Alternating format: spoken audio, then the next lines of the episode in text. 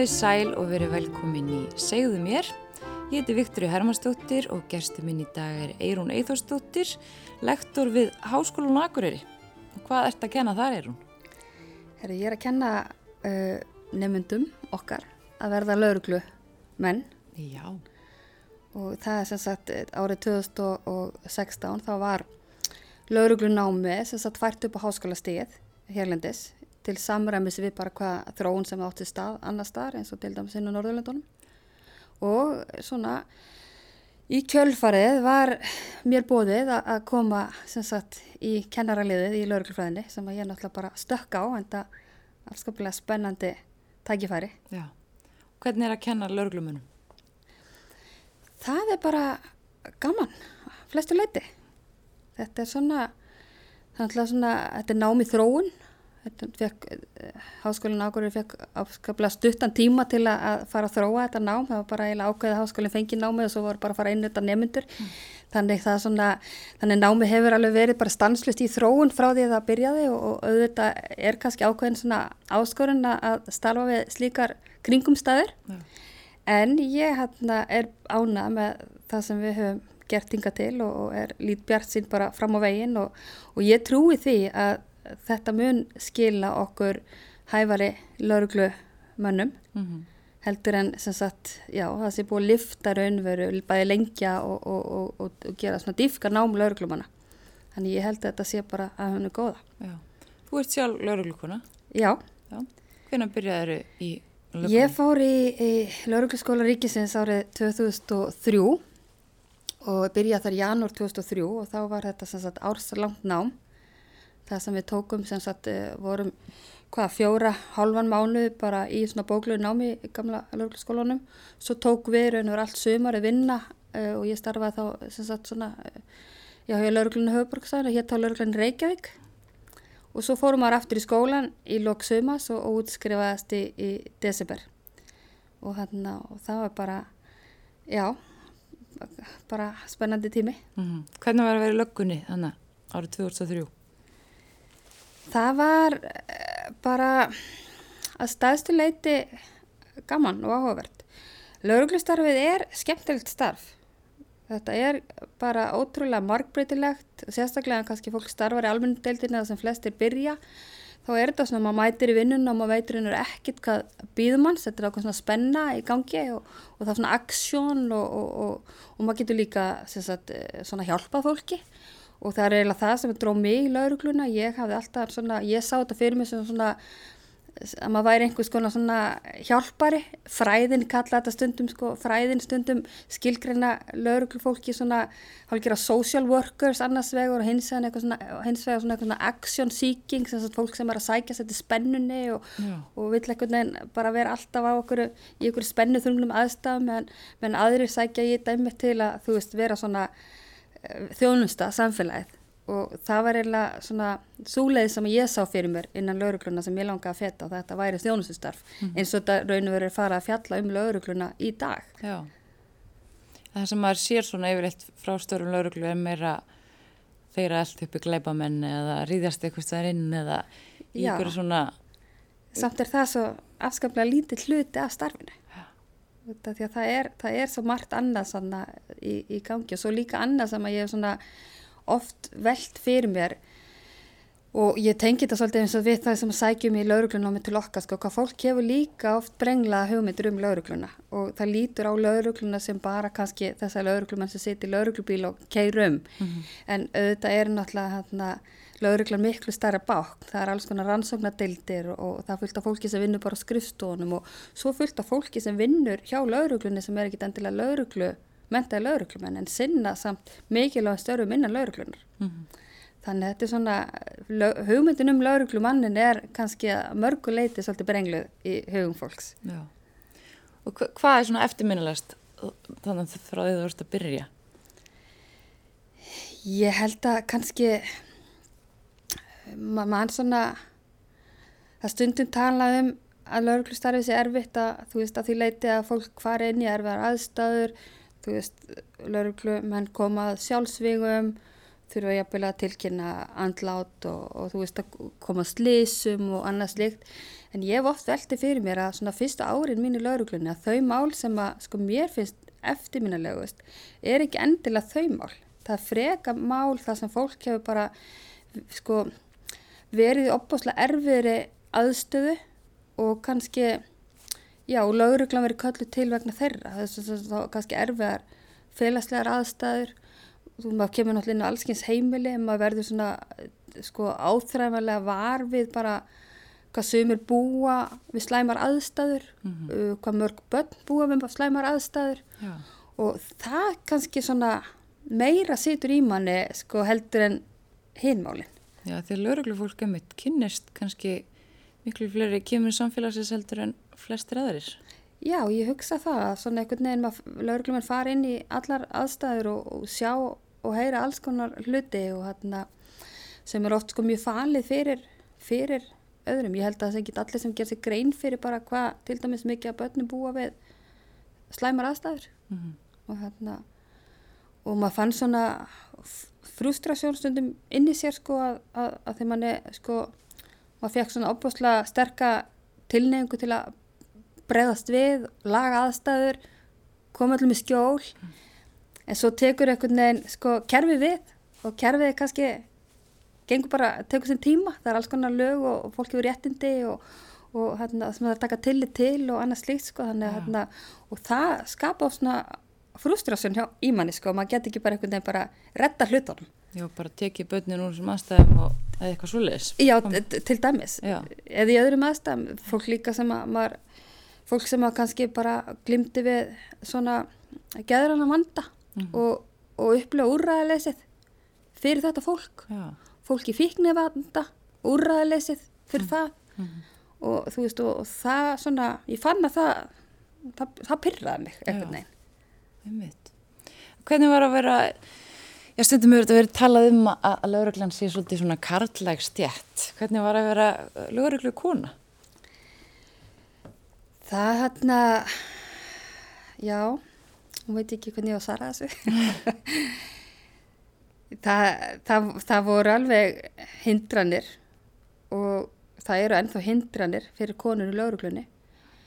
Þeim hefur mörgum verið rutt og vegi og við hefum náttúrulega fengið, síðan ég byrjaði, þá hefur við fengið náttúrulega ótrúlega sterka hvern leðtoga inn í laurugluna. Uh, ekki bara einn, ekki bara tvo, það eru fleiri. Mm -hmm.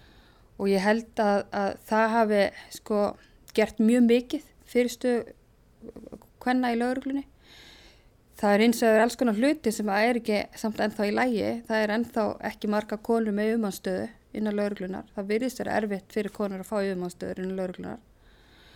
Það er ennþá sem sagt, uh, það er ennþá sem sagt til, til að fáar konur í lauruglunni hérlendis, til dæmis bara meða við önnur lönd. Ég held að allan að senast ég vissi þá var tölfræðin til dæmis í Svíð og held ég að vera yfir 30% lauruglumanna voru konur. Við held ég sem komi núna uppi undir 20%, kannski rétt yfir 20% en það hefur verið vegna þess að konum hefur fjölgað mikið í lauruglu náminu eftir að þetta fór á háskólastíð. En þetta, það þyrtu náttúrulega að vera fleiri lauruglukonur, það þyrtu líka í svona auknarnar mæli að geta haft aðgengi eða aðganga að stöðum og, hana, og þetta er ekkit eitthvað vandamál sem bara bundi við Ísland, þetta er þekkt svona vandamál sem tengist mm -hmm. lauruglustarfinu og hefur mikið verið rannsakað við um heim Já.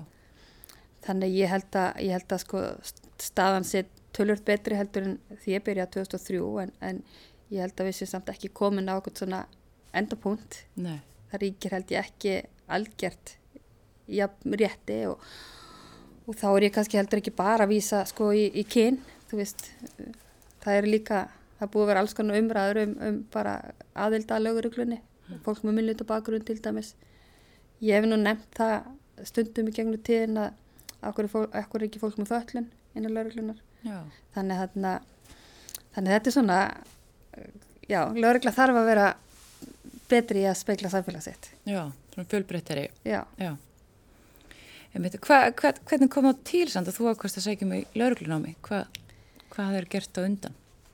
Já, ég var hann að ég var var sest, að klára bíagráð í mannfræði því ég fyrir laurugluna og ég hafði reyndar hugsað mér, áður en ég fór í háskóla þá var ég búin að hugsa mér að fara að sækja mér laurugluna og var raun og veru bara að fara að æfa mig fyrir þrekkprófið og, og intökuprófin og allt það.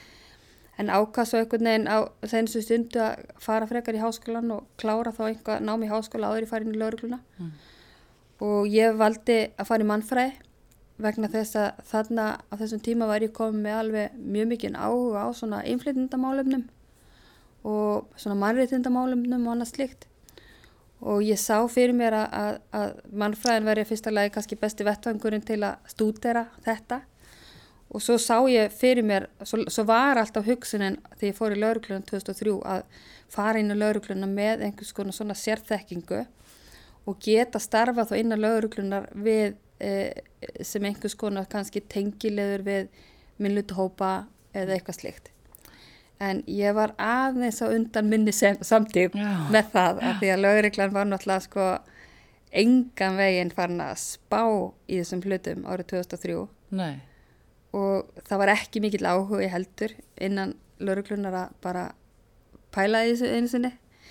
Þannig, þannig, þannig ég náttúrulega fór svo ekkit, fór svo var, var svo bara venjulegu löguriklumadur eins og hver annar. Og hann að nýtt ekki draunur kannski mannfræði bakgrunin þannig eins og ég hafði svona hugsað mér að geti verið áhugavert að gera mm. fyrir en miklu setna Já, ummitt, ég ætlaði ummitt að spyrja því það, það var, hva, hvena var það? 2000 og hvað? Árið 2016 þá var mér sem sagt bóðið að, að leiða verkefnin á lauruglunar höfuborgarsæðinu sem snýrið að hatusklæpum mm. og hatustjáningu rannsaka það þá er náttúrulega löndin í kringum okkur er náttúrulega búin að vera í svona leng, kannski lengur að rannsaka þennan málaflokk og mm.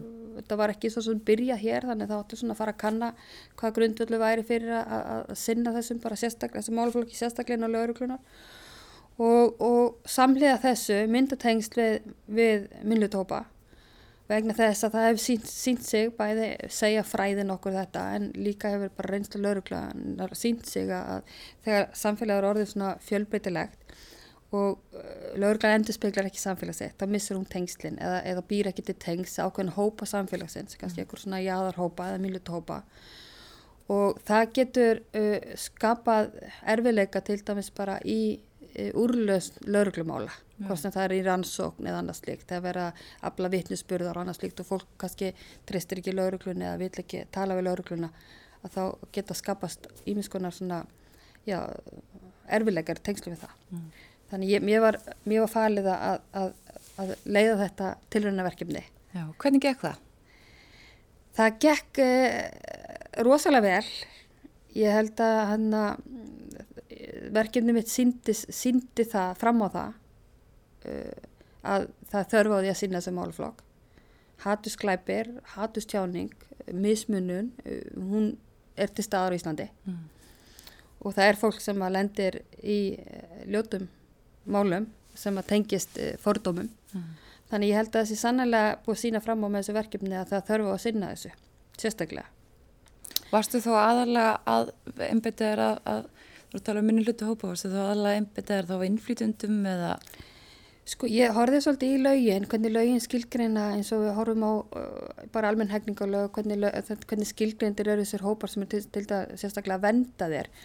Og ég horfið mikið í það, þá erum við að tala um innflytundur, uh, við erum að tala um fólk á ólíkum trúabröðum, uh, við erum að tala um uh, um fólk með ólíkan litarhátt og kynneið og kynvitind, þannig ég ákvað það að ég raun og veru bara svolítið horfið á fjölbyttileikan í eins breyðri mynd og hægt var. En auðvitað sko, þó, þó bara þessir hópar, eða raun og veru eru allir hóp, allir eru náttúrulega vendar í lögum, en, en þessir hópar eru dregnir fram. Mm -hmm. En auðvitað er það samt þannig að það eru aðrir hópar sem eru líka að lenda í, í hattus, glæpum og hattustjáningum og það er til dæmis, við nefnum bara dæmi til þess fólk með föllun og það er líka sem hefur rísið upp svolítið mikið á síðustu ári svona miklu fordumaka hvort fólk sem er yfirþyngd. Þannig, þarna, en, en, þannig það er þannig, þannig það geta miklu fleiri orði fyrir hattisklöpum heldur en þeir sem eru svona kannski vendaðir mm -hmm. en, uh, maður sá nú svona daldið það voru umræður um þetta þessa stöðu og, og það væri verið að setja þetta stað og, og svo eins þegar verkefni fór í gang og, og þú Já, þú vaktir aðtekli á einhverju mólum. Hvernig, fyrstu, hvernig voru viðbrun? Ég meina, var, var sótt að þér eða Já. var bara vel tekið í þetta? Hvernig? Sko, þetta var alveg, sko, já, mjög blandað. Auðvitað voru mjög margir sem er líst ánað sinni með þetta og ég fekk mikið alls konar símtölum og, og skilabóðum og tölubóðstunum sem fólk var að lýsa yfir áhuga, áska ég eftir samstarfi og annað slikt. En svo voru líka ákveðnir einstaklingar í samfélaginu sem að leist ekkert á þetta. Já, og það fór strax í svona einhvers konar uh, þetta fór í einhvers svona farveg að, að lauruglan var þarna að beita sig gegn uh, tjáningafrelsi fólks sem er ekki réttur skilningur á þessu starfi. Og svo fór þetta í svolítið svona eitthvað svona personlega árásari gagvart mér. Og, hérna, og það er eins og fólk uh, svona skildi ekki uh, það að ég var bara venjulegur starfsmaður lauruglunar mér var falið þetta verkefni á mínum yfirmanni.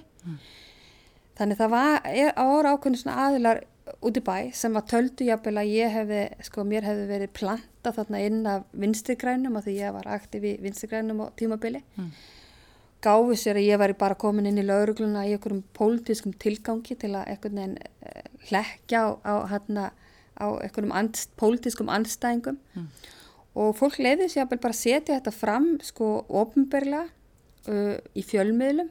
Ákveðin fjölmiðl fór mikið fram í, í svona í, já, bara rókburði gagvart mér.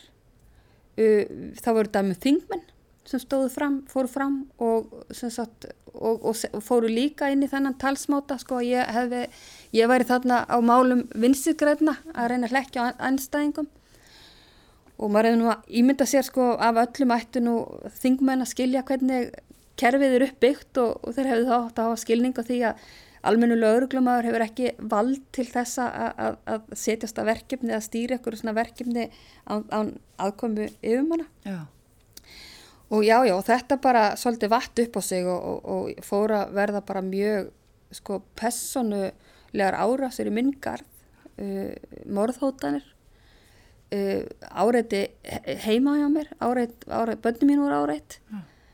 og þetta var eiginlega orðið bara sko, orðið mjög slæmt. og hva, hvernig, hvernig endaði þetta? Hættur þau Ég, ég fór að vinna á háskólum okkar. Já, þú bara hættir hennilega vegna ofsókna, eða hvað? Já, nei, það var nú kannski ekki út af því. Ég, hérna, ég var reyndar sko, lauruglan uh, sett upp öryggiskerfi heima á mér og annað slíkt, þannig að þau gerðu sitt í að reyna að venda þá mig.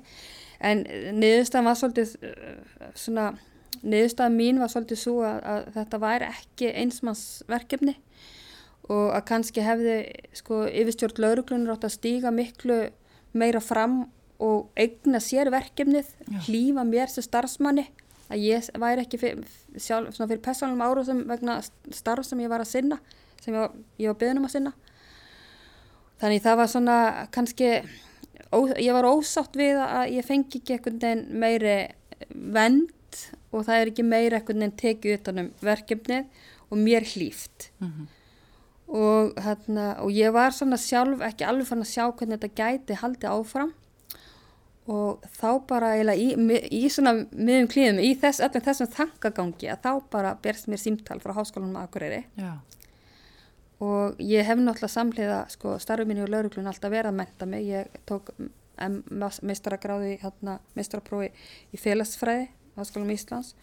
Og svo hef ég verið að dunda mér doktorsnámi í mannfræði við Háskólanum Íslandi. Já, og var svona var farin að sjá kannski fram á það myndi nú ljúka kannski einhver daginn.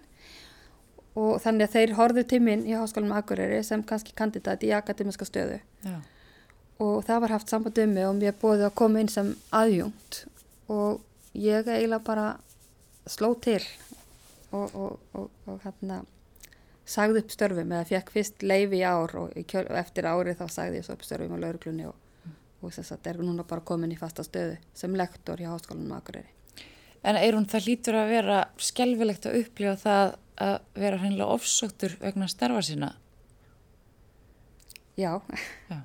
Það er það. Situr það dýðir? auðvitað gerir það það.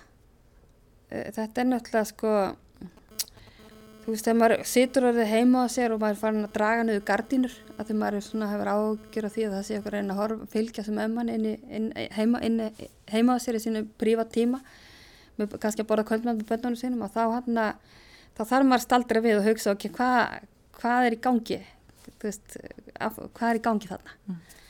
Og ég svona veist, það situr auðvitað í mér einhvers konar áfalla streyta í kjálfarið á þessu og mér finnst svona eftir að higgja já eins og segi veist það var var ákveðin svona mjög leiðilegt að, ég, að það væri ekki innan lauruglunar me, meiri stuðningur og ég er sannlega ekki eini lauruglumara sem er lendi í einhverjum árásum það er fleiri lauruglumar sem er lendi svona mm. Og mér finnst kannski vanta að, að lauruglun vendi sitt fólk betur heldur en, heldur en til dæmis ég uppleði Lörglumenn er kannski svolítið, geta verið svolítið berskjaldæðir í sínum störfu.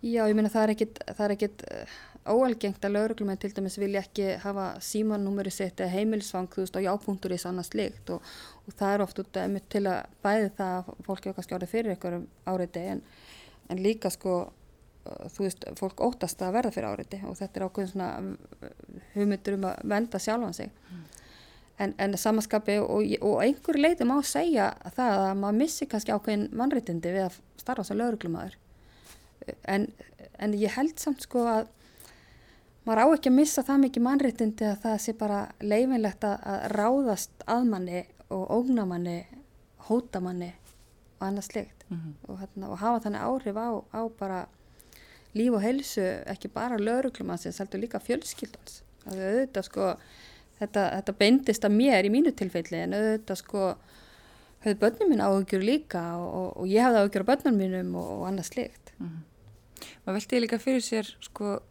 þegar er sett í svona stöðu sem einmitt er já, gerð til þess að gera samfélagi betra þú veist, mm -hmm. allavega svona maður myndi gefa sér það að tilgangunum sé sá hvers vegna það veki upp svona mikla reyði Já. Já, ég hérna, ég, ég skil ekki alveg hvað er þarna, sko, það, þetta er einhvers konar, fólki finnst í einhverju leiti ógnað. Og finnst einhvern veginn kannski svona, það miss einhvern veginn, ég veit ekki, tökina og hvernig það má haga lífið sínu. Og maður hefur séð þetta náttúrulega sko í, al, í kringum alls konar baráttur, maður setja líka bara gegnum kvennabaráttuna, þú veist, þetta er svo eftir MeToo-bildinguna þegar sem er reyðs upp og sem má ekkit lengur að það má ekki einhvern veginn þú veist, skella hönd á rassa á kornum eða klípu brjóstinu á þeim, þú veist, mm -hmm. þetta er svolítið svona og maður skilur ekki alveg bara okkur eftir eitthvað maður finnast það sjálfsagt að Næ, eitthvað tíma Já, þú veist, en þannig ég, ég veit ekki alveg hvaða svona einhverju félagsleir, þú veist, prosessar er í gangi, þú veist, með þetta mm -hmm. En, en, en þetta hefur náttúrulega fyllt svo áfram að því svo hef ég náttúrulega sko inn á starfsminns í háskólanu verið að stundar ansóknir á hattusklapum að því ég virkilega hefa áhuga sem máluflokki mm -hmm. og ákvæða nota tæki fyrir að viðstu verið komin í svona uh, fræðistarf að sinna bara fræðilegum rannsóknum á þessum á, á hattusklapum í Íslandi mm. og þá hefur þetta haldið áfram Já. og hérna og, og, og þess að eftir ég gaf til til að svona fyrir stutt út grein á Kristín Lofsdóttir mannfrængi um hattustjáningu í Íslandi að þá kom aftur upp svona bylgja bylgja af sko svona já, leiðundum í minn garð og, og þá voru það jafnvel sko aðilar sem er að, eru í dag að reyna að hasla sér völl sko sem sem hann sem fósættarjafnvel eða þingmenn eða annað slíkt mm. eða, eða ákveðin útafstöð sem hefur raun og veru bara sko ákveðina vefsíður sem hafa farið að, í það að, að svona gera, reyna að gera lítið úr minni personu, reyna að rýra trúverðuleika minn, uh, reyna að telja fólki trúum að, að ég hafi ekki mentun eða þekkingu eða reynslu á því sem ég er að gera, telja fólki trúum það að ég sé bara ykkur, ennþá í ykkur pólitískum leðangri þó ég sé ekki flokksbundin lengur og ekki teki ekki þáttinn einu pólitísku sarfi og ég hef verið að lesa mig til og þetta er vist algengt gagvart fólki sem er að sinna rannsóknum þessu sviði uh, sem er sinna rannsóknum gagvart svona að vera að skoða uppgang hægri auðgabla, nýðnaðsistar reyfinga sem er að sinna hattusklæpum að það vist mjög algengt að það sé ráðist að þessu fólki með þessum hætti til að reyna, sko, gera lítur því og rýra trúveruleika þeirra. Til að svona reyna að koma því til leiðar að, að fólk leggja ekki trúnað á það sem að fræðimöðurinn er að færa fram. Og þetta þykir mér vera hérna bara hættuleg braut. Hvernig er hægt að, að, svona ráðast að fræðimannesku eða öðrum Já. Með þessum hætti. Já. Já. Hvað hérna, en þú nefndir á þann að þú hefði verið í doktorsnámi meðfram Já. í um störfum. Hvað ertu, ertu að rannsaka eitthvað þessu tengt þar? Nei, þetta er svona, þetta, þetta, þetta, þetta er með lífið, sko, það tekur maður stundum í ykkur hérna, ég sá nú ekki fyrir því ég byrjaði doktorsnáminu að ég væri að fara að kenna við háskólan Akureyri einhverjum árum síðar, þannig ég fór og hérna, fór og, og, syndi rannsókn, fór að sinna rannsókn á raunveru svona málefni sem hefur mjög verið hugleikið síðan ég var unglingur. Ég hérna, þegar ég var 16 ára gömul þá fór ég í eitt ár til Brasilíu að skiptinum mig bjó hjá þýskattaðri brasilískri fjölskyldu sem hétt Súlsbakkar Já. og þá fekk ég gríðarlegan áhuga á brasilísku samfélagi út frá þessum sjónamið sko þetta sé innflytjendaland, þetta sé land sem byggt upp á euroskum innflytjendum og ennþá eimir opbáslega mikið svona áhrifa af því og ég vissi því ég fór út að það hefðu líka Íslendingar flutti Brasilíu á 19. öld og ég hafði mikið áhuga á þessari sögu Já.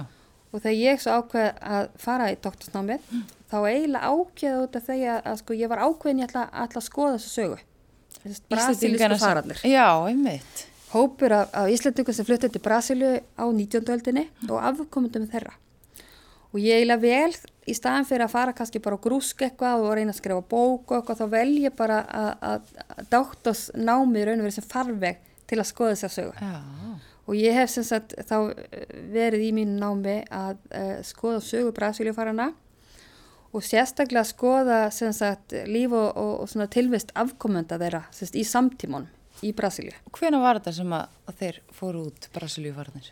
Þetta í, um, þetta voru tvö skipti, annars vegar fóru fimm uh, karlmenn árið 1863 og svo fóru 34 sem voru mestmælis fjölskyldur uh, sem fóru 1873, tíu árum síðar. Og akkur til Brasilíu? Það var búið að vera svona umræða, það var náttúrulega byrjuð, sko, 19. öldin enkendist opaslega mikið af fólksflutningum frá Evrópu til Ameríku, bæði semst Norður og Suður Ameríku. Uh, Ameríka var að byggjast upp sem, sem svona innflytjenda land, og þarna það var búið að vera alveg frá sko 1820 til dæmis fólk, sérstaklega þjóðverjar, svislendingar og norðmenn að vera að flytja til Brasilíu. Þannig Íslendingar höfðu bara heyrt af þessu, bara hann að fréttinnar fórum líka á 19. öld, þó kannski ekki alveg þessum ljósræða sem það gerir í dag. Og fólk vissi að þessu tækifæri, hérlendis var náttúrulega bara óbúslega miklir erfileikar, það var mikið fátakt, það var mjög erfitt að fá land, til þess að giftist fólk seint út af því að það var svo erfitt að fá land að það gæti ekki raun og veru bara að skapa sína fjölskyldi. Mm -hmm. Fá tækifæri og ég held að fólk hafi bara séð þarna tækifæri fólki því að fara til Brasilíu. Og þarna voru raun og veru ekki Kanadaferðirna byrjaðar allan ekki að það 1863 Nei. þannig þetta var kannski svolítið bara eina sem var í bóði á þeim tíma. Þannig að stopna svona félagskapur um uh, fólk sem var áhersamt að fara til Brasilíu. Og þetta var sérstaklega fólk á Norðurlandi. Og mest vegnast af því fólk sem, fólki sem fór til Brasilíu síðan var frá Borðódal og þarna, en svo gerist það að, að þetta er svona, það er litli peningar, þetta er ekki vel skipulagt, þeim gengur illa þessum fimmenningum sem fóru fyrst að finna bara jarðnæði, þeir vildu Svo. bara flytja, náttúrulega fullt af fólki og bara flytja sveitirnar og vera, með, og vera bændur í Brasilíu, mm -hmm. en það var kannski ekki svo mikið um bændur í Brasilíu, þetta meira að vera að byggja borgir, þannig að þetta var kannski ekki alveg þess að fólk hafi hugsað sér. Það voru mörgundur manns búin að skrá sig til Brasilíuferðana En áður en svo verður að því að, að, að þeim textloksis að senda annan hóp hérna 1873 og þá eru raun og veru hafnar miklu skipulegari ferðir til Kanada og Norður-Ameríka, Bandaríkjana Já. og það er svona, sumi vilja meina að, að það hefði svona margir hætti að fara til Brasilíu að þeir eru litið kannski á Kanada sem betri kost. Já, ég meit og hva, hvernig reyndi þessi fólki af hérna sem fór í setniferðina? Þeim bara ég, ég held að þau hafi haft það betra og í raun hefði, sko, þe- þetta var erfitt, það var að líka fátakt og svo kom náttúrulega, þetta fólk talaði ekki neinn nein tungumál, kannski kunni eitthvað, eitthvað smá í dönsku eða eitthvað slíkt. Gríðarlega ólík lönd. ólíklönd en, en þú voru sko, gerir grein fyrir því að þau voru ekki að flytja inn í sko brasilískan samba og fótbolt og karnival Já, þau voru að flytja í Európs samfélag já, já. og til dæmis það sem að þessir, þessar fjölskyldur fengu sem sagt loksins land, það búið útveðað með land sem er raunveru fengu að, að svona einhver leiti gjaldfrjálst frá brasilískum yfirvöldum sem voru reyna sko fá Evrópufólk til að koma og byggja upp landið að þá fá þau hérna landsvæði í svona litlu uh, hverfi sem var bara Íslandingar og pólverar innflytjum frá Pólandi, nýkomnir og innflytjum frá Íslandi. Og samfélagin þarna voru evrósk þannig, þannig þau voru að flytja í evrósk samfélag Já. og margir af þessum Brasilíuförum og svona, sérstaklega kannski svo, þau sem voru að koma út þegar þau voru börn lærðu jafnvel sko þísku áður þau lærðu portugalsku og þau náttúrulega samsömuð sig með þýskum innflytjendum sem voru líka einu sem voru lúþurstrúar, annars voru eiginlega allt katholikar já. fór í þýskar kirkjur, tóku jafnvel þátt í alls konar félagsstarfi með annar þjóðverja, Mhm. þannig að margir lærðu þýsku árið lærðu sko portugalsku. Já. En nú er það þekkt með vestufarana að þeir hafa verið duglegir að, að halda í rætunar og hafa haft svona góð tengsli við, við Ísland. Er það eins með Brasilíufarana? Nei, það nefnilega fóru alveg hinn áttina. Já, ok. Þetta er náttúrulega, þetta var lítill hópur og, og náttúrulega ekki að bera saman verið þá hópur sem fóru til þess að til Kanada sem var mjög, miklu stærri hópur í heildina, allir fóru á sama lands, eða svona svipa landsæði. Þarna er þetta lítill hópur, unga fólki sem var ógift, það er náttúrulega eignað svo maka með að öðrum uppruna, uh, þannig fólk svona held ekki mikið uh, svona sambandi. Nei. Jú, einhvað, en ekki svona, það skapast ekki eitthvað svona, eh, eitthvað svona Íslands samfélag. Nei. Og, það, og svona með tíð og tíma þá svolítið bara fjarað út þekking á íslenskum siðum og hefðum, þekkingu á íslensku tungumáli. Og, hún, og, þeir, og það eru mjög lítil tengsli raun og veru við Ísland. Fannstu ykkur afkomendur? Já, Já. ég bara fann fullt af afkomendum. Ok. Ég sem sagt, náttúrulega vegna tengsla minn eftir ég var skiptinu með þá ég náttúrulega fer ég reglulega til Brasilíu, það er ekki mjög vænt um Brasilíu og hérna líðu vel þar og er ennþá í tengslu með mitt fólk þar. Þannig í einni ferðinni þá eiginlega bara gerði ég mér eh, ferð til Curitiba, það sem flestir þessum afkomendu búa, hafði upp á afkomendum Íslendinga og myndaði bara tengsl og svo bara gegnum þau tengsl þá stakkaði tengslanettið. Þannig ég hérna endaði með svo að fara út tvísvar í gagna öflun. Fyrst var ég mánuð, þá var ég eiginlega bara í Curitiba og svo fór ég tveim árum setna í þrjá mánuði. Þá var ég bæði Curitiba og, og Ríó. Og uh, tók viðtöl við 36 afkomendur Íslandinga. Uh, Það er ekki vita hvað afkomendin eru margir, þeir eru mæntilega kannski eitthvað, ég veit ekki, kringu 2000 eða eitthvað getur mér ímynda sér. En, en þessi hópur sem ég naði sambandi við, það er hópur sem hefur svona í setni tíma tekið sér saman og farið að hlúa þessum íslenskum, íslensku uppröðinu sínum. Eru búin að stopna með sér svona hálfgeft svona Íslandingafélag, eru jafnvel búin að koma að heimsækja Ísland og eru búin að vera svona mjög aktíft að, að, að tengja sig við þennan uppröðina sem var svolítið bara annars tindur. Já, þetta er alveg merkilegt. Og hvað, og vissuðu mikið um, um, um sína íslensku forfeður? Nei, í raun og veru var þekkingin ekki mikið og þess vegna kannski líka tókuðu mér opaslega opnum örmum út af því þeim langa, þau voru líka svo þist í fróðleik og þarna þau náttúrulega vissu svo sem vita nöfnin á sínu forfæðum sem komu hann á 19. öldinu allt það en, en, og sögu þeirra í Brasilju en nei þau vissi ekkit mikið um sko kannski söguna sem slíka Nei. þannig þau eru sjálf búin að vera kannski svolítið bara að reyna að fræðast um hana og vonandi náttúrulega geta, getur afræstur minnar rannsóknar líka aðstóða, ég skrifa náttúrulega greinar þá á ennsku sem að þau geta lesið allar þau sem eru með ennsku þekkinguna og, þarna, og, og, og auki þá þekkingu sína jafnframt. Hvernig ætlar að leggja loka hönd á þetta? Má spurja svolítið með dóttursverkefni? Það má eiginlega ekki, en uh, maður er samt spurður og hann að og ég veit ekki hvort maður á að hætta að svara því ég er alltaf að segja já það er að koma að þessu, að koma að þessu. en nú held ég að sé raunverulega að fara að koma að þessu. Já. Ég held að þetta sé bara spursmálum um einhverja kannski, ég veit ekki, hálft ár kannski, vonandi ekki mikið lengra en maður veit aldrei. Nei, þú sér fyrir endana og svona. Ég sé fyrir endan á þetta. Þetta, er, þetta ég er svona að fara að líða því ég sé að skila öll að mér. já. Eirún Eithórsdóttir, lektor við Háskólan Akureyri og lauruglukona, kæra þakkir fyrir komuna. Takk fyrir að bjóða mér.